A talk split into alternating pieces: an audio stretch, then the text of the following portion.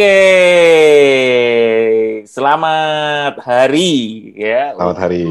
Selamat. Untuk kelompok capir kelas Sabtu ya, ini tentunya ini dari hari Sabtu ya. Apa kabar semua? Mudah-mudahan sehat di Amin. Jakarta pada hari ini cukup cerah ya, eh, cerah barokah Cara baru. dan teman-teman juga ketika melihat eh, apa namanya eh, episode kali ini akan cerah juga ya karena banyak yang kita akan lakukan hari ini cukup mencerahkan Eh, gitu nah apa namanya Kalau kalau kata Raki selain cerah dan barokah, mudah-mudahan wangi ya. Apaan sih? Maaf, maaf itu jokes internal. Aduh, jadi apa namanya eh, seru sekali eh, hari ini karena kita akan banyak mencerahkan diri kita eh, da- dengan sebuah topik yang sekarang lagi cukup banyak dibicarakan di beberapa kalangan. Ya. Di kalangan tertentu aja. Karena tertentu, nggak semua kalangan Banyak dibicarakan. banyak dibicarakan, tapi di, di beberapa kalangan banyak dibicarakan gitu. Iya. Nah, ini adalah mengenai open bank. Ya, wah, apa sih open bank itu ya? Ya, apakah tadi Iwan sebelum ini di acara rehearsal kita ya ditanya open, apakah open bank itu yaitu adalah bank yang open memang Iya. gitu. Biasanya dari jam 8 sampai jam Nah, ya, ya kalau nggak udah tutup ya aja. Nah, boleh ini nggak mungkin eh, Wan boleh cerita eh, sebenarnya secara eh, konsep atau secara simpel ya. eh, open bank itu apa sih? Apa bedanya dengan bank-bank atau bank biasa yang yang eh, Tidak terlalu open. yang terlalu open gitu ya? Ini seperti open minded gitu atau open relationship gitu gimana? Iya, Apa apa nih opennya itu? Oh, betul-betul. Tadi ngomong-ngomong soal open relationship, Ah. itu sebenarnya bisa dipakai sebagai point of reference sih. Oke. Oh really? Oh oke. Iya, iya. Gimana gimana gimana? gimana? Uh, jadi mungkin dengan keterbukaan dan kita suka menjalin hubungan dengan orang lain gitu ya. Sesuatu yang pada awalnya bersifat eksklusif Mhm. sekarang menjadi terbuka untuk pada siapa pun gitu. Oh. Dulu uh, dulu mungkin uh, mindsetnya adalah kita bikin produk, uh, kita develop produk, kita konsum produk itu sendiri untuk kepentingan kita sendiri. Cuman sekarang kalau aku lihat sih aku saya Gua lihat juga nggak apa-apa. Model bisnisnya itu kan jadi berbeda ya bahwa sekarang dulu dulu dulu dulu Tapi biasanya? Dibuat sendiri, ini sendiri, konsum sendiri. Iya. Bukan konsum konsum dalam artian bahwa uh, si produk itu ya, rilis sendiri gitu. dirilis Oh. untuk kepentingan kita sendiri gitu Oh, oke oke. untuk institusi itu sendiri cuman kalau kita lihat kan sekarang itu ya sistemnya adalah open relationship kita membuka bahwa kita tidak uh, tidak eksklusif mendevelop sesuatu itu untuk kepentingan kita sendiri tapi untuk orang lain juga gitu Hmm. Nah, kalau yang paling gampang kayak apa ya? Hmm, mungkin itu awalnya dimulai dari fintech sih kalau kalau gue lihat. Hmm. Kayak misalnya kayak gini, lu pakai beberapa produk tertentu di misalkan ya pakai GoPay, Grab ataupun pakai Tokopedia atau apa pun itu, lu lihat di situ udah kayak Frankenstein kan. Oh. Dalam hal bahwa si produk si core core service-nya itu apa, tapi Iya. dia menyediakan berbagai macam uh, produk dan layanan yang sebetulnya itu di luar dari core bisnisnya dia. Oh. Hmm. Frankenstein itu seperti palu gada ya, berarti ya? Ya, sudah palu gada. Dimasukkan. Semua dimasukkan. Iya, iya. Iya. Nah, itu kayaknya menular juga ke industri-industri lain dan mungkin yang paling dekat adalah financial industry adalah bank itu sendiri. Hmm. Eh, kenapa akhirnya kita perlu jadi open bank? Pertama adalah masalah skalabilitas dan eh, apa ya time to market dalam mendevelop suatu produk dan service. nih. Hmm. Bagi lagi ke masa yang kemarin kita pernah bahas soal masalah agile kan, Iya, betul betul betul. Time to market lebih cepat ya. To market lebih cepat. Nah, bayangin kalau kita mesti ngedevelop semua produk yang ada. Bayangkan lu adalah orang GoPay lah, ya, ataupun orang Gojek gitu. ya. Dengan segala macam produk ya yang ada di situ. Ya, tapi mereka bikin sendiri ya. Ya karena Hmm. mereka punya mereka punya power di situ Iya, iya, permasalahannya. Mereka Tapi sebetulnya- ya. Di back end-nya mereka mereka pun nggak bisa ngejalanin itu semuanya itu sendiri kan. Ya. Kayak misalkan gini, eh pay letter di GoPay lah. Hmm. Itu kan membiasakan semua orang itu jadi berhutang walaupun tidak perlu berhutang kan. Hmm. Oke. Tapi permasalahannya di belakangnya itu adalah siapa sih yang modalin si pay letter tersebut? Hmm. yang maintain account-nya. hmm. yang uh, yang ngasih analisa kredit segala macam. Hmm. Di situ ada institusi lain, ada bank di situ sebetulnya. Yeah. Oh, gitu. oke. Okay. Nah, kita ngelihat bahwa sekarang bank pun udah tidak eksklusif lagi. Mereka nggak cuma maintain produk mereka sendiri, tapi hmm. mereka pun bisa memaintain produk orang lain dengan. Misalnya gimana? Ya kayak tadi, kayak si tadi, hmm. produk front end-nya itu yang ngejualin adalah misalkan si fintech siapa ya, Vindai atau si GoPay itu sendiri lah. Oh. Tapi di belakang yang maintain account, hmm. yang ngasih kredit analisis, yang yang main ya yang melakukan perhitungan bunga segala macam itu ada bank di belakangnya itu. Hmm. Termasuk yang ngasih port, uh, yang, yang ngasih fundingnya juga buat lending ke kita sebagai customer. Hmm. Harus ada dari belakangnya harus ada yang modalin kan, hmm. ngasih, ngasih duit utang buat kita jajan uh, beli boba atau beli house gitu ya. Hmm. Siapa tuh? Ya pasti ada orang yang modalin di belakang ya, ada hmm. ada yang kasih duit gitu. Dan di belakangnya itu ada bank gitu sebetulnya. Hmm. Cuman kita nggak sadar aja. Jadi uh, mungkin kita udah tahap dalam bahwa uh, produk financial service itu udah ubiquitous, gitu ya. kita nggak sadar bahwa kita sebetulnya memakai produk bank dalam kehidupan sehari-hari kita walaupun itu terbungkus dalam suatu hmm. produk hmm. yang kita pakai dalam eh, yang kita pakai sehari-hari lah kayak gitu. Hmm.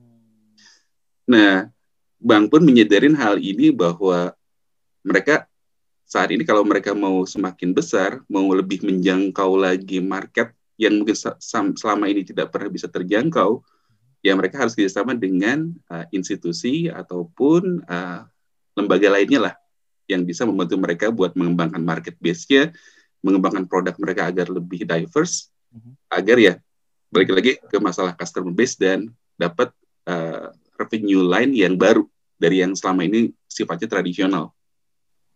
Gitu sih.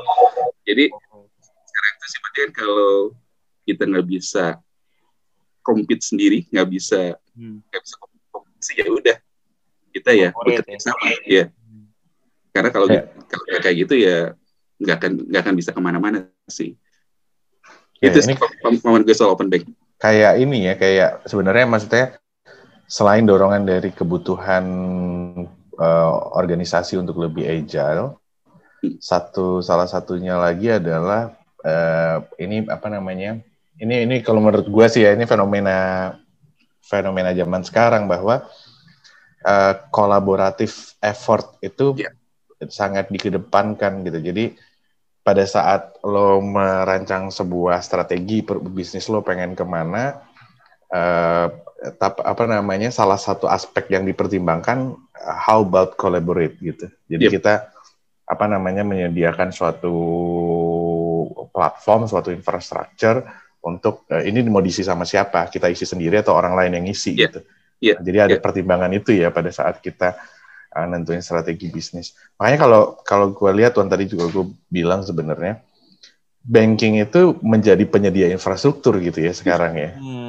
Betul, betul. In a way dia, iya dia apa namanya menjadi yang tadi gue bilang seperti telco gitu. Jadi kesannya Benar. dia nyediain backbone di belakang untuk dipakai sama penyedia jasa di depan. Dan itu jadinya butuh butuh ini juga ya, butuh kelegowoan ya. Kalau dulu kan yeah. bank itu di depan gitu.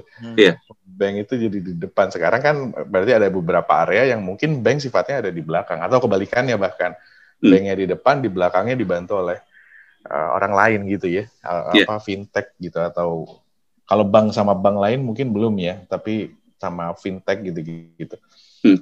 Nah, tapi ini juga yang nyebabin kayak uh, berbagai perusahaan uh, itu juga banyak kolaborasi kayak market tadi Iwan cerita marketplace kolaborasi sama fintech dan bank hmm. atau bahkan sekarang big tech kayak model-model Google juga kan sebenarnya di ekosistemnya dia udah ada bank juga di sana, ada fintech juga di sana gitu ya. Gitu. Iya, yeah, yeah. menarik, menarik, menarik. Iya. Yeah. Gimana Pak? Wan? Terus? Yeah ya jadi gue ngeliat bahwa uh, baik lagi ke masalah market needs juga sih hmm. uh, kita kan udah kebiasaan uh, uh, ngelihat suatu marketplace ataupun sesuatu yang sifatnya itu all in hmm. ya kayak apa ya all in provider lah yeah. kita nggak mau susah buat uh, apa buat suatu produk yang service tertentu harus ngambil ke institusi A atau yang lain ke institusi B gitu ya. Kita pengennya itu sesuatu itu diagregat di satu platform tertentu yang yang udah lengkap lah. Jadi uh, dengan kecenderungan market behavior seperti itu, akhirnya bank ya bank sebagai suatu institusi akhirnya coba ya gimana caranya kita bisa memenuhi needs tersebut. Hmm. Tapi permasalahannya adalah kalau misalkan membuat produk and service-nya itu bagi lagi uh, secara internal itu bakalan bagi lagi ke masa time to market itu bakalan lama Uh, ya, itu satu. Terus kedua adalah masalah licensing. Untuk jadi untuk bisa provide sesuatu itu kan kita butuh license yeah. dari regulator lah. Misalkan lu mau uh, apa jualan si bank mau jualan reksadana lah ya. Kan nggak kan akan sangat tidak uh, apa efisien kalau dia di, uh, apa uh, harus bikin sendiri ataupun uh, apa nge-create company yang underwritingnya segala macamnya kayak gitu lah. Nah makanya misalkan dia akhirnya kerjasama dengan uh, uh, aset manajemen ataupun uh, perusahaan reksadana gitu. Nah itu yang bikin uh, si banknya itu akan lebih efisien sih ujungnya. Hmm, Oke, okay. jadi dia uh, apa namanya mungkin lebih efisien dan men menyasar market yang lebih besar. Gitu. Luas, gitu. ya betul. Hmm. Menarik juga ya. Jadi ini mungkin si kalau biasanya kan dalam konsep konvensional atau misalnya yang biasanya dilakukan itu bank itu sesuatu yang kita bisa lihat datang terus udah gitu ada interface-nya dengan kita langsung lah at least walaupun internet. Sekarang yeah. ini mungkin dengan bentuk seperti itu yang namanya bank mungkin kita as a nasabah mungkin nggak akan ketemu mungkin ya. Jadi yeah. kita nggak akan tahu gitu. Mungkin kita akan apa uh, apa melakukan sebuah transaksi finansial tapi kita tuh nggak tahu bahwa ini tuh sebenarnya adalah di provide servicenya oleh bank ini di belakangnya ada bank betul. itu gitu pokoknya kita keluar duit aja gitu atau misalnya yeah, naruh yeah. duit atau invest atau apa gitu ya Bahkan kalau misalnya ya. kita kayak leasing motor atau leasing mobil gitu ya, yeah. kita kan ngerasa sebetulnya kayak kita cuma berhubungan dengan si leasing company-nya tersebut kan. Iya. Yeah. Padahal di belakang itu ada bank hmm. yang ngebiayain untuk leasingnya kita itu. Jadi Dan kita sebetulnya terdapat sebagai uh, customer si bank tersebut hmm. di backend-nya itu. Cuman yeah. kita nggak sadar aja. Oke, oke, oke. Jadi sebenarnya ini udah mulai juga ya sedikit-sedikit ya sebelumnya ya. Iya. Karena ya. leasing kan udah uh, udah lama kan. Iya. Insurance kalau insurance? Enggak ya? Bank insurance. Iya, uh, biasanya sih bank jadi channel buat salesnya aja sih. Jadi oh. buat si perusahaan asuransi itu kan biasanya ya mereka develop produk, yeah, yeah, terus nanti uh, kerja sama-sama si banknya, nanti banknya bakal ngebantu buat hmm. ngejualin si produk si produk asuransinya tersebut. Oke okay, oke. Okay, Misalkan di, dengan kemudahan bahwa kita misalkan uh, bundling dalam suatu tabungan ataupun hmm. misalkan kemudahan dalam pembayaran. Hmm. Biasanya, Terus dibundling juga dengan reksadana, jadilah unit link. Gitu. Jadi, Cuma memang ini ya apa namanya sebenarnya konsep kolaborasi di uh, industri keuangan ini sebenarnya dari dulu juga udah ada. Hmm. Cuman sekarang seperti ini menjadi competitive advantage gitu. Hmm. Yeah. Jadi kalau dulu kan dulu kan kita seperti cross selling atau misalkan apa ningkatin value dari sebuah hmm. produk gitu ya makanya kolaborasi itu dibuat sekarang ini kayak jadi apa namanya ya memang inilah nilai jualnya gitu gitu. Jadi mungkin mindset yang berubah tapi mendorong uh, si apa struktur bisnisnya, struktur hmm. ekosistem bisnisnya jadi berubah juga gitu. Plus hmm. karena fintech yang kecil-kecil-kecil ini juga hadir untuk bisa ngisi kekosongan di masing-masing segmen hmm. gitu ya. Even sekarang lo mau bicara apa, apa proses KYC aja ada fintechnya gitu. Terus hmm. Uh, jadi banyak sekali yang apa namanya kecil-kecil ini apa namanya ngisi-ngisi kekosongan dan dia saling membantu lah ya gitu sama si bank uh, dia punya marketnya, mereka punya marketnya sendiri, si bank punya marketnya sendiri, malah jadi kuat gitu pada saat kolaborasi ini terjadi. Good sih sebenarnya. Hmm. Yeah. Gitu. Ini ini untuk bank yang ya kolaborasinya ya kan itu kan hmm. adalah sebuah uh, move deh. Apa sebenarnya resikonya untuk selain tadi marketnya jadi agak lebih uh, terbatas untuk bank-bank yang bukan tidak mau ya mungkin dia belum berubah atau lama kelamaan tuh apa sih resikonya untuk bank yang uh, tradisional gitu atau misalnya bank konvensional yang yang sekarang kita tahu gitu. Apa apa yang uh, apa yang akan terjadi gitu? Mereka akan kehilangan apa kalau misalnya uh, nggak nggak apa nggak mengarah ke sini? Atau ini menghajar sebuah option saja? Maksud gua tuh adalah apakah semuanya nanti akan mengarah ke open bank atau enggak juga akan tetap ada aja juga yang konvensional dan ini adalah sebuah uh, diversifikasi aja dari dari dari apa yang namanya bank. Kalau gue ngeliat buat yang sifatnya retail hmm. services, hmm. Ke, uh, mungkin bakalan mengarah ke sana semua sih, si, ke si open bank oh, tersebut. Oke. Okay. Karena, karena kalau misalnya kayak gini, uh, kenapa sih alasan lu pilih suatu institusi bank hmm. untuk lu buka tabungan di sana? Berapa? Buat, misalnya, ya, buat lu bertransaksi kan? Terpercaya satu, tapi juga gampang sih. Gampang, ya. gampang ya. ya itu. Gampang buat ngelakuin buat ngelakuin apa aja kan. Yeah. Dulu kayak misalkan kita uh, pilih satu bank karena biasa alasannya tertentu kan. Hmm. Pilih BCA gitu. Misalkan, oh karena misalkan ATM-nya banyak gitu. Ya. Iya, yeah, iya yeah, betul. Uh, pilih misalkan ada dulu tuh kayak Bank Commonwealth hmm. karena misalkan kita bisa dengan mudah beli uh, dana. dana di situ. Hmm. Nah, kalau nah sekarang anggaplah semuanya itu playernya itu nggak bisa sama lah gitu hmm. landscape-nya itu. Hmm. Uh, pada saat orang tuh uh, si bank itu terlalu spesifik untuk menawarkan suatu produk and service, hmm. pasti kita bakalan pilih mana sih bank yang paling lengkap produk and services ya, yang yeah. di mana pada saat gue masuk ke situ, gue bisa memilih aneka kebutuhan yang gue butuhkan untuk saat ini. Gue misalkan mau pinjam duit buat beli rumah, buat mortgage, gue mau beli bayar-bayar listrik dan uh, listrik dan segala macam gitu terus gue hmm. mau bisa belanja online dengan hmm. mudah gitu ya. mana sih si bank yang paling bisa memberikan semua itu hmm. ya.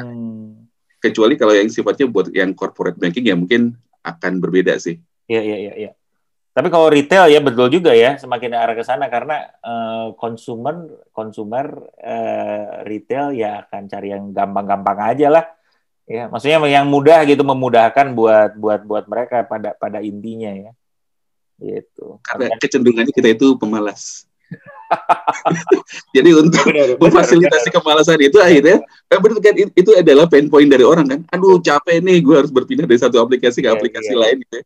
akhirnya ya untuk It, tapi itu dilihat sebagai suatu opportunity kan gitu. Betul, betul. Untuk memudahkan kehidupan orang gitu ya. Ya udah kita agregasi semua produk dan service dalam satu platform, orang bisa bertransaksi di satu institusi atau bank tersebut. Nah, hmm. ngomong-ngomong soal itu, akhirnya ahli, ahlinya teoritis nih. Ah, gimana gimana boleh boleh Gigi. Landscape banking ke depan tuh bakalan seperti apa sih? Nah, oh, nah ini ya, gue akan share ini ya, apa namanya, share screen uh, di World Fintech Report gitu ya, yang tadi Iwan udah omongin. Oh, ini menarik banget sih ya. Uh, beberapa waktu yang lalu kebetulan gue ngajar soal fintech dan bicara apa namanya open banking ini kan menjadi salah satu topik bahasan yang ya jadi relevan sekali gitu. Kemarin kan kita beberapa waktu kemarin kita terkaget, terkagum-kagum dengan munculnya berbagai fintech. Nah, sekarang uh, the next, the next uh, ini, the next uh, step is open banking dan kita bicara open X mungkin ya, yang kayak di gambar ini gitu. Nah ini menarik sih menurut gue. Hmm. Digital banking is udah kemarin gitu ya, kayaknya orang kan kemarin rame ngomong digital bank, digital bank itu udah kemarin gitu. Sekarang hmm. kita bicaranya open banking. Yang tadi Iwan cerita kalau uh, kolaborasi apa namanya udah di depan mata gitu sharing ekonomi uh, eh, API gitu ya nah ini yang apa yang sih API cukup, itu apa sih Wan, Iwan tuh yang jagonya kalau soal gitu gitu. API uh, Application Programming Interface. Jadi sebetulnya itu kita ngebuka akses data di informasi dari bank kita ke ada satu institusi ke institusi lain gitu. Jadi uh, paling mudah kayak gimana ya? Oh gini aja deh. Kayak misalnya kita mau login ke ke sesuatu Oh, pakai login via Facebook gitu misalnya. Ya, lu bisa oh, pakai Google, pakai Facebook. Nah, itu sebenarnya si Facebook ataupun si Google menyediakan API untuk kita melakukan autentikasi. Hmm. Nah, ini terus misalkan ya kita kembangkan ke dalam hal yang lain, kayak hmm. misalkan uh, kita sharing data terkait dengan nasabah yang punya kebutuhan tertentu agar bisa kita develop produk and service-nya lah kayak gitu. Hmm. Uh, tapi di sini soal masalah sharing data itu pasti menjadi suatu hal yang sangat sensitif ya. Tapi maksudnya kurang lebih bakalan seperti itu sih. Oke. Okay. Yeah. Jadi traditional banking yang biasa orang datang lihat teller terus udah gitu ngobrol ada customer service Kalau digital udah mulai mobile banking gitu-gitu ya. Itu udah internet internet banking, hmm. mobile, open yang tadi yang Iwan udah uh, cerita ya. Uh, apa namanya kalau dia jadi apa namanya? Eh, nggak uh, semuanya dari dia gitu ya ininya uh, produknya. Dia bisa jadi cuman channelnya doang bisa di depan yeah. bisa di belakang kata Raki. Open X apa ini? Ya kalau ada X X itu sangat menarik ya. Bahaya nih bahaya nih ada open X. Open dan X. Iya. Jadi sebenarnya kayaknya kalau bicara OpenX kita nggak hanya bicara banking ya. Jadi OpenX tuh kita bicara apa namanya platform yang emang buat buat apa terbuka sekali buat apa namanya buat ngegabungin berbagai financial services gitu hmm. financial product gitu kalau dilihat di sini bahkan dia ngasih contoh kalau Uber itu hmm. contoh yang paling di bawah sini ya uh, yeah. Uber hmm. itu contoh yang paling uh, apa uh, potensial gitu untuk open hmm. Ecosystem hmm. jadi karena dia bisa nyambung sama berbagai macam tuh mau ada hmm. apa namanya uh, ya mau mau kita naik Uber sambil beli reksadana misalkan gitu itu juga bisa gitu dan lain-lain hmm. gitu ya. Ini yang menarik ya BBVA itu menjadi contoh dia partnership dengan mana-mana. Tapi uh, menurut gua karena ke depannya akan seperti itu uh, apa namanya penggabungan antar berbagai layanan finansial maupun non finansial itu akan terjadi. Kalau sekarang kan mungkin kita lagi fokus layanan finansial bergabung nih apa namanya berkolaborasi. Walaupun ada beberapa kayak marketplace, kemudian tadi Iwan ngasih contoh GoPay, OVO, kalau misalkan dilihat uh, dia presentasi mengenai digital ekosistemnya juga sebenarnya dia sangat uh, apa uh, ngebangun kolaborasi sama berbagai uh, institusi. Jadi sekarang fokusnya memang ke sana banget gitu ya. Nah, kalau kita uh, lihat di satu lagi nih yang mungkin mungkin menarik nih ya tadi Iwan cerita masalah open-openan ini juga uh, evolusinya juga macam-macam sebenarnya ya gitu. Jadi uh, bank itu bisa sebagai integrator, bisa sebagai supplier, sebagai agregator dan sebagai orkestrator gitu bahkan gitu. Jadi dia bahkan dia nggak punya produk sama sekali dia uh, kayak Iwan bilang mungkin seperti marketplace-nya jasa keuangan aja gitu. Dia jadi perantara tapi uh, apa namanya mungkin mungkin produknya dia ada sebagai ini ya apa namanya penyedia uh, layanan dana pihak tiga gitu ya dia kelola dananya gitu tapi dia semua transaksi itu ya happen di di platformnya dia gitu yeah. itu mungkin uh, orkestrator mungkin bentuknya seperti itu sementara integrator ini dia cenderung ke tradisional uh, bank ya jadi semua hmm. produk ada di dia si agregator dia uh, apa namanya jadi distribution channel gitu ya sementara si supplier dia uh, white labeling lah gitu dari produk-produk yang dia punya gitu mungkin ya Iwan ya nah ya. Iwan menarik sih ini yang menurut gue jadi uh, even si bank pun dia bisa bisa memilih dia mau mau main di porsi Di mana, yang ya? mana gitu sebenarnya yeah. uh -uh. yeah. gitu uh, yang kayak menarik juga kayak misalkan yang orkestrator nih dibilang kan sebagai marketplace berarti dia nggak punya produk mm -hmm. dia cuma mempertemukan antara si bank ataupun financial institution yang mengembangkan produk and service dengan si consumer ya kalau di Indonesia gue lihat kayak modelan kayak ini kayak cek aja.com oh iya yeah. pernah pernah coba gak Iya, iya, iya. lihat lihat ngebandingin tuh comparing kan iya uh. comparing uh. kredit mana yang paling murah asuransi yeah. yang paling murah kita kan bisa pilih di situ Terus nah, belinya via dia juga gitu ya? Iya betul. Hmm. Nanti dia dapat uh, fee dari referral fee lah dari orang yang misalkan ngambil produknya dari websitenya dia gitu, hmm. dari si cekaja.com-nya itu. Itu contoh bank sebagai orkestrator. Kayak agen penjualan sebenarnya Wan ya? Betul, broker ya sebetulnya itu tuh. Hmm. Ya, ya tapi or, apa marketplace ataupun broker itu kan salah satu model bisnis juga tuh. Iya. Yang, betul. yang kita nggak sangka bahwa itu ternyata bisa terjadi juga buat bank ataupun oh. ya So, gue tuh gue tuh ada di generasi di mana kalau gue denger broker tuh yang duduk-duduk di hotel, di lobby hotel, broker. Kenapa harus di hotel? Enggak, lo kalau di zaman dulu tuh kan proyek-proyek besar. Proyek, besar tuh. Iya, iya, benar, benar, benar kalau dengan broker di kepala gue gitu. Agen, agen. Jadi agen. sama aja ya ininya ya uh, dari sisi uh, apa maksudnya cuma dari sisi teknologi mungkin jadinya berbeda walaupun namanya broker. Mm -mm, mm -mm. Ya ini ya apa ya? gue nggak tahu ya mungkin kalau kalau kalau berbagai bank ya kebetulan gue juga banyak handle bank nah, ini berbagai bank mungkin di sekarang apalagi di era pandemi ini ini menjadi satu yang yang di depan mata banget kan gitu. Maksudnya uh, lo harus menentukan strateginya gitu. Lo mau ada di mana. Jadi kalau dulu mungkin kita bicara digital banking ya. Maksudnya lo harus punya digital channel aja. Jadi itu kayak must have gitu kesannya. Yeah gitu. Karena kalau enggak kesannya bank lo kuno gitu. Bank lo tradisional lah nggak sama sama bank digital lainnya. Nah sekarang sebenarnya yang dituntut bukan masalah udah udah nggak itu lagi. Sekarang lo mau positioning di mana gitu. Hmm. Karena ini sangat menentukan ke strategi si bank ya kalau dia mau jadi supplier maka dia harus perkuat lah si produk gitu layanan yang menarik dan segala macam termasuk eh, apa namanya strategi si layanan gitu kalau sebagai agregator maka lo harus kuat juga di distribution channel lo gitu. Hmm. Nah ini uh, menurut gue pengaruhnya ke mana-mana banget sebenarnya positioning lo mau lo mau apa targeting ke mana maka berpengaruh nggak cuman ke masalah infrastruktur yang lo bangun, jenis layanan yang lo bangun, people yang lo bangun, proses yang lo bangun gitu kan, yeah. gitu. Nah ini menurut gue penting banget nih. Oke. Okay gue ngeliat sebetulnya dengan uh, dengan open apa ekosistem seperti ini akan memberikan kesempatan untuk semua uh, institusi di mana pun di Indonesia uh. untuk bisa berkembang sih. Kayak misalkan dulu gue kepikiran kayak misalkan uh, bank daerah ataupun yeah, bank yeah. rakyat gitu ya, yang misalkan modalnya kecil-kecil buat mereka misalkan harus develop sistem sendiri, hmm. develop oh. service sendiri, roll out sendiri. Nah, bayangin bahwa sebetulnya semuanya itu secara uh, apa? Secara infrastruktur itu sudah tersedia ataupun disediakan oleh pihak ketiga. Hmm. Misalkan core bankingnya udah bisa pakai yang uh, di cloud, terus kemudian hmm. service-nya dia tinggal nyomot-nyomot dari financial service provider yang ada.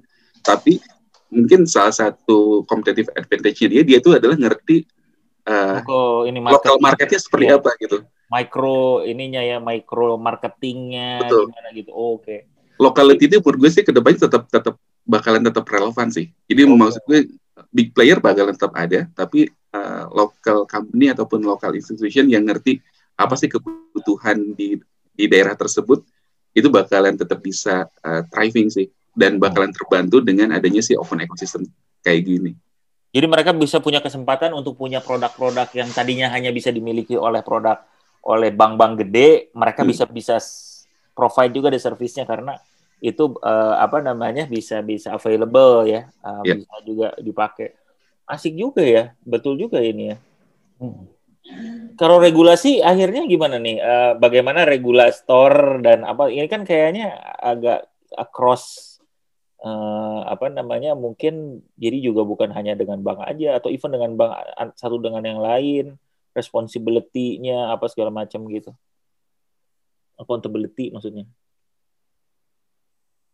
Nah, soal soal regulasi Bapak yang di sebelah saya yang lebih mengerti deh. Karena yang paling banyak berhubungan dengan BI dan OJK kayaknya Bapak Raki nih. Oh,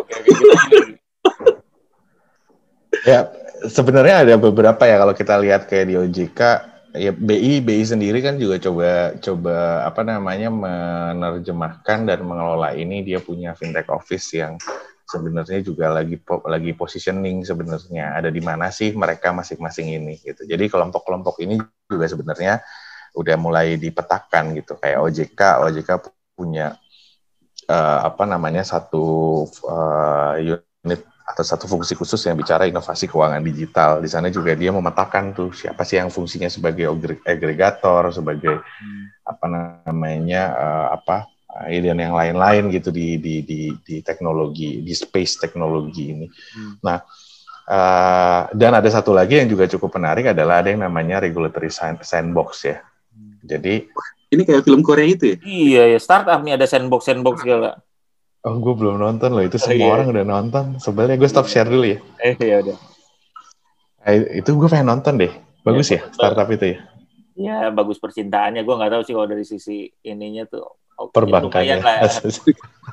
Tapi ada Jadi ngebahas startup tiba-tiba beralih gitu diskusinya. Ada regulatory sandbox ya seperti di film Korea startup.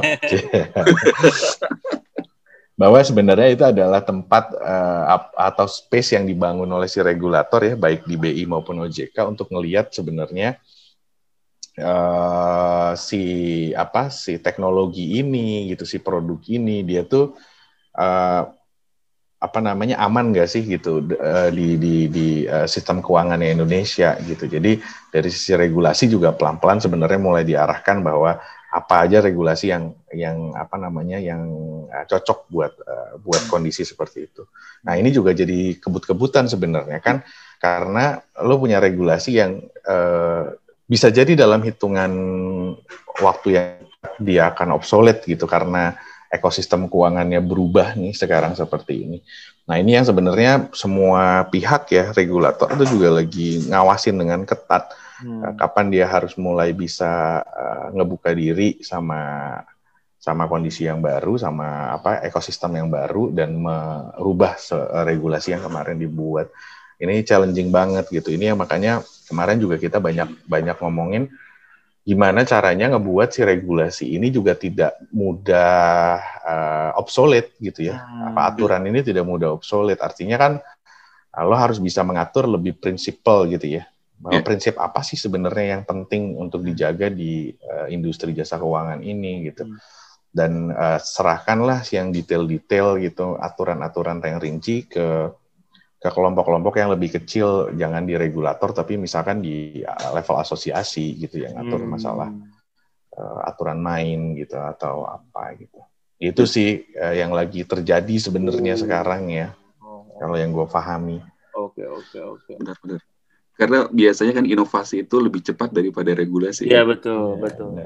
Tapi benar juga poinnya Raki, gimana caranya biar si regulasi itu tidak mengekang perkembangan inovasi tersebut, hmm. tapi gimana caranya biar uh, tetap uh, aman ya, aman ya, hmm. dan dan dan memberikan manfaat yang Ada barokah gitu nah, untuk semua orang. Baro cerah dan barokah. ada satu regulasi, ada satu aturan yang dia mungkin udah empat kali apa lima kali direvisi ya kaitannya dengan teknologi ini. Jadi karena tadi gitu berusaha berusaha keep menjaga kan, ini gitu, ya. berusaha keep up. Dan itu memang jadi salah satu ya lesson learn lah ya nggak bisa disalahin juga si regulator karena kan ini sesuatu yang dinamis ya. Iya dan kalau nggak lo atur juga ya dia punya kepentingan untuk menjaga masyarakat kan gitu sebenarnya kalau gue lihat dan ngejaga bisnisnya juga biar nggak disalahgunain karena ya memang celahnya masih banyak dan celah ini banyak dipakai sama orang buat main gitu yeah, buat yeah. Lalu bikin apa namanya layanan keuangan yang bodong gitu-gitu kan juga banyak sekali kasus di Indonesia. Iya, yeah, yeah. gitu. Itu sih. Yeah. Yeah. Menarik banget nih memang uh, mengenai open bank ini ya. Jadi ada sisi regulasinya yang dinamis, dari sisi form of organization-nya yang beda-beda gitu ya terus dari dari sisi produk dan bagaimana nanti konsumer juga akan uh, terimpact ya dengan ini. Makanya jadi uh, mudah-mudahan para kelompok capir semua bisa mulai nih ngeliat-liat apa sih nih uh, apa uh, open bank ini? Terus udah gitu uh, apa sih tadi uh, regulatory uh, sandbox.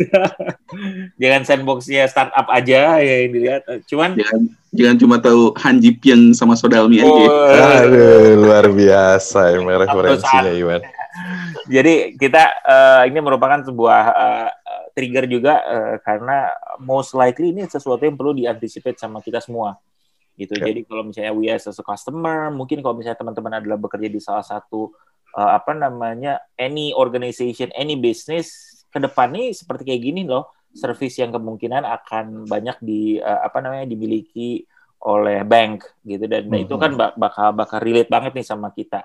Konsumer pasti nanti juga behavior konsumennya juga berubah terus sudah gitu nanti or, uh, bisnis juga mungkin akan oh ini ternyata bisa kayak gini ada service-servicenya kalau konsultan juga nanti akan uh, atau konsultan atau service provider juga akan terimpact nih dengan new style of uh, banking gitu ya. Uh, jadi ini cepat banget nih digital aja, digital itu kenyataan aja udah baru belum belum berapa lama, belum satu dekade ini udah mulai masuk lagi uh, lebih kolaboratif lagi bisnis uh, bankingnya. Berarti harus bikin buku lagi open governance. Nah, Waduh, keren iya, banget. Ini kita tunggu tunggu. Mau, mau ah jadi kontributor? Iya mau, mau iya, ikut, ikut, ikut, ya, ikut. Kita tulis dong. Kita tulis. Oke. Okay. Semua uh, para pemirsa kelompok capir, uh, terima kasih banyak atas perhatiannya. Silakan ya kalau sekali lagi ya kita tunggu banget uh, komennya dan pandangannya mengenai uh, open bank ini ya terus udah gitu siapa tahu ada insight-insight yang kita bisa diskusikan lagi ya. Alright, bye bye. Bye semua.